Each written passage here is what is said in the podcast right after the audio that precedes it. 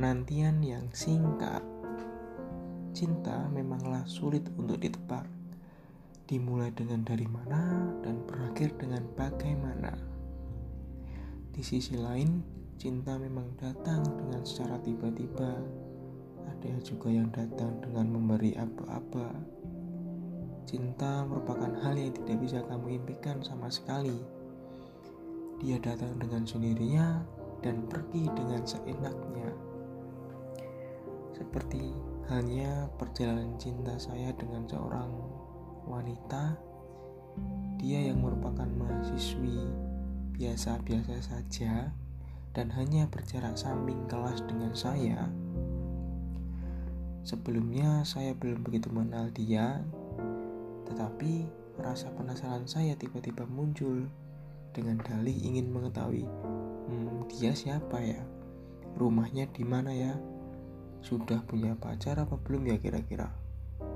Ngomong-ngomong dia orangnya dingin dan agak sinis. Akan tetapi tidak memadamkan api semangatku untuk berkenalan dengannya. Hari demi hari dan bulan pun berganti. Bertambahlah rasa penasaranku dengan wanita tersebut. Akan tetapi, lagi-lagi nyali saya ciut dan saya urungkan niat untuk berkenalan secara langsung. Sepintas dalam pikiran saya bahwa teman satu kelasnya merupakan teman dari SMP hingga kuliah ini.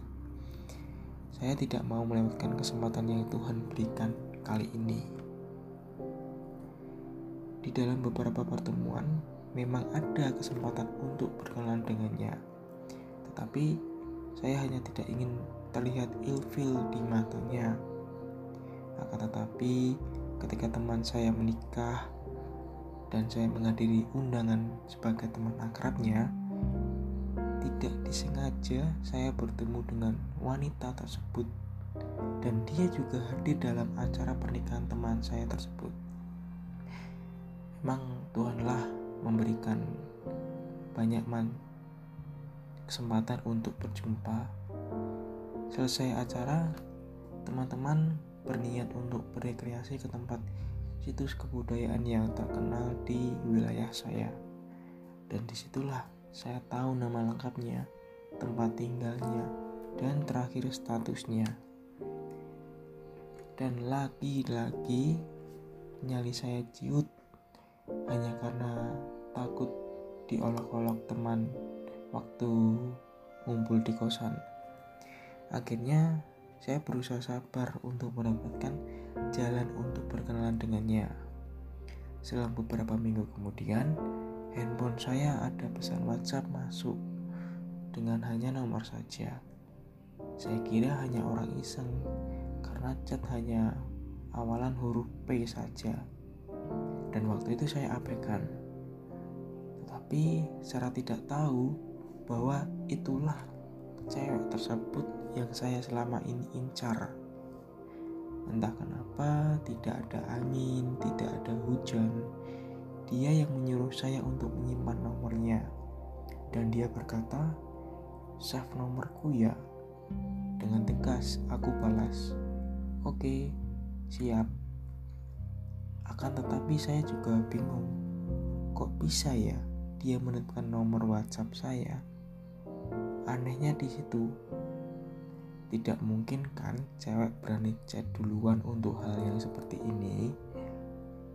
Dan ternyata teman satu jurusan saya tetapi beda kelas dan dia juga merupakan teman satu bidang dalam himpunan mahasiswa di jurusan saya dia itu iseng menyebarkan nomor WhatsApp saya kepada cewek tersebut dengan dalih untuk meminta bantuan. Di pikiran cewek kan namanya orang minta tolong ya dibantu, tetapi ini jebakan. Dikatakan jebakan juga hampir tetapi lebih condong ke mak comblang. Dalam peristiwa itu, saya dengannya mulai chat-chatan dengan membahas tugas kuliah dan sering kali menanyakan hal-hal kepribadian masing-masing. Sedikit demi sedikit kita semakin kenal dan akrab. Setiap pergantian jam kelas, sering kita melihat satu sama lain. Dan terjadilah di mana titik terendah saya. Waktu itu saya mengalami kerusakan syaraf mata dan tepatnya berada di retina. Dan hanya dia yang peduli dan menanyakan kabar saya setiap hari. Dimulai dari operasinya lancar apa tidak, gimana perkembangannya setiap hari. Dan dia pun berharap semoga bisa cepat sembuh dan seperti sedia kala. Saya belum ada niatan untuk menjadikan dia seorang pacar, karena dia dulu bilang kepada saya, ingin kenal tidak hanya lewat pacaran, temenan juga bisa toh. Kita bisa lihat di kampus setiap hari. Dengan opini ini, aku yakin ada jalan yang lain untuk menempuh suatu hubungan. Setelah berminggu-minggu, tiba-tiba dia tuh berubah tidak seperti dulu saya coba menghibur tidak diizinkan. Karena percuma katanya. Tidak akan membalikkan kondisi moodnya. Dan dia selama tiga hari dia itu bersikap begitu terus. Kayak mood mudian gitu loh. Dan akhirnya dia menjawab cucuk pertanyaan saya. Dia bilang, "Aku belum bisa menerimamu sebagai teman laki-lakiku." Hanya itu yang dia bisa ucapkan. Dan bayangkan, sekian lama untuk menunggu hari demi hari, minggu demi minggu, bulan pun hingga berganti. Sekian lama menunggu untuk mendapatkan jawaban yang cukup savage. Akhirnya kita kurang komunikasi waktu itu dan hubungan menjadi renggang dan agak ada rasa canggung ketika berpapasan uh, pergantian jam kelas. Karena saya juga merasa sudah pupus harapan saya di situ dan hanya sampai sini saja pikiran saya. Dan setelah dua bulan lamanya, dia kembali dengan mengirim pesan ke saya. Dan dia berkata, Hai, apa kabarmu? Saya jawab dengan menaikkan rasa gengsi saya sedikit. Baik-baik saja kabarku. Dan dia berusaha untuk mencairkan suasana. Dia tuh tahu karena dia itu salah tapi saya sendiri hanya untuk mencoba mengetes dia apakah benar-benar dia menjadi saya atau tidak. Dan ternyata betul dia mencari saya dan dia mengatakan sudah lama tidak chattingan masih marah ya kamu. Dengan sedikit perasaan trauma yang kemarin saya lalui saya coba menghargai chattingan itu saja. Ternyata dia menawarkan untuk kembali seperti dulu dan bisa menerima saya menjadi teman laki-lakinya, tetapi dengan satu syarat. Dan syarat ini terbilang aneh sih sebenarnya. Syaratnya itu hubungan antara saya dengan wanita tersebut tidak boleh orang lain tahu, termasuk teman-temannya, teman-teman dari dia, teman-teman dari saya. Saya sedikit setuju karena dia kembali lagi dan memulai chattingan seperti biasa. Seperti halnya kaum remaja yang kita makan bareng lah ya.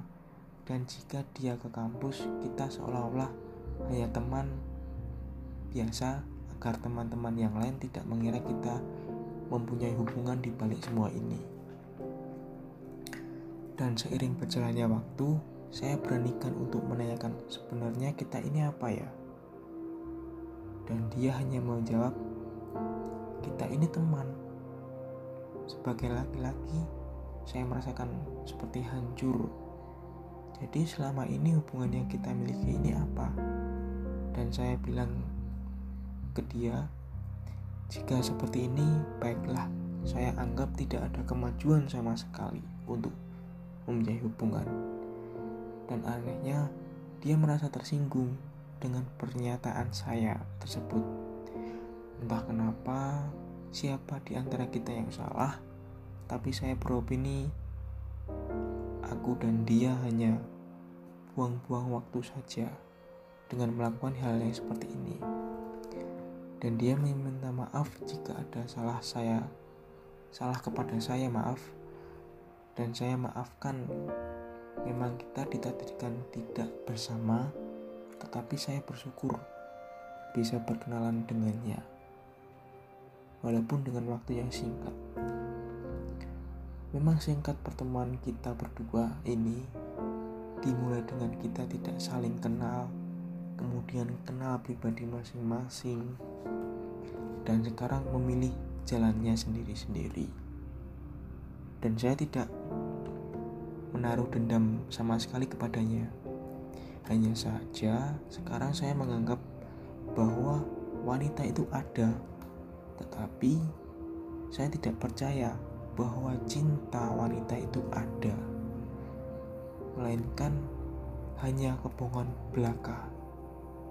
Yang ada wujud cinta itu adalah cinta dari ibu, bukan dari wanita lain, bahkan pacar seorang pun. Sekian, terima kasih.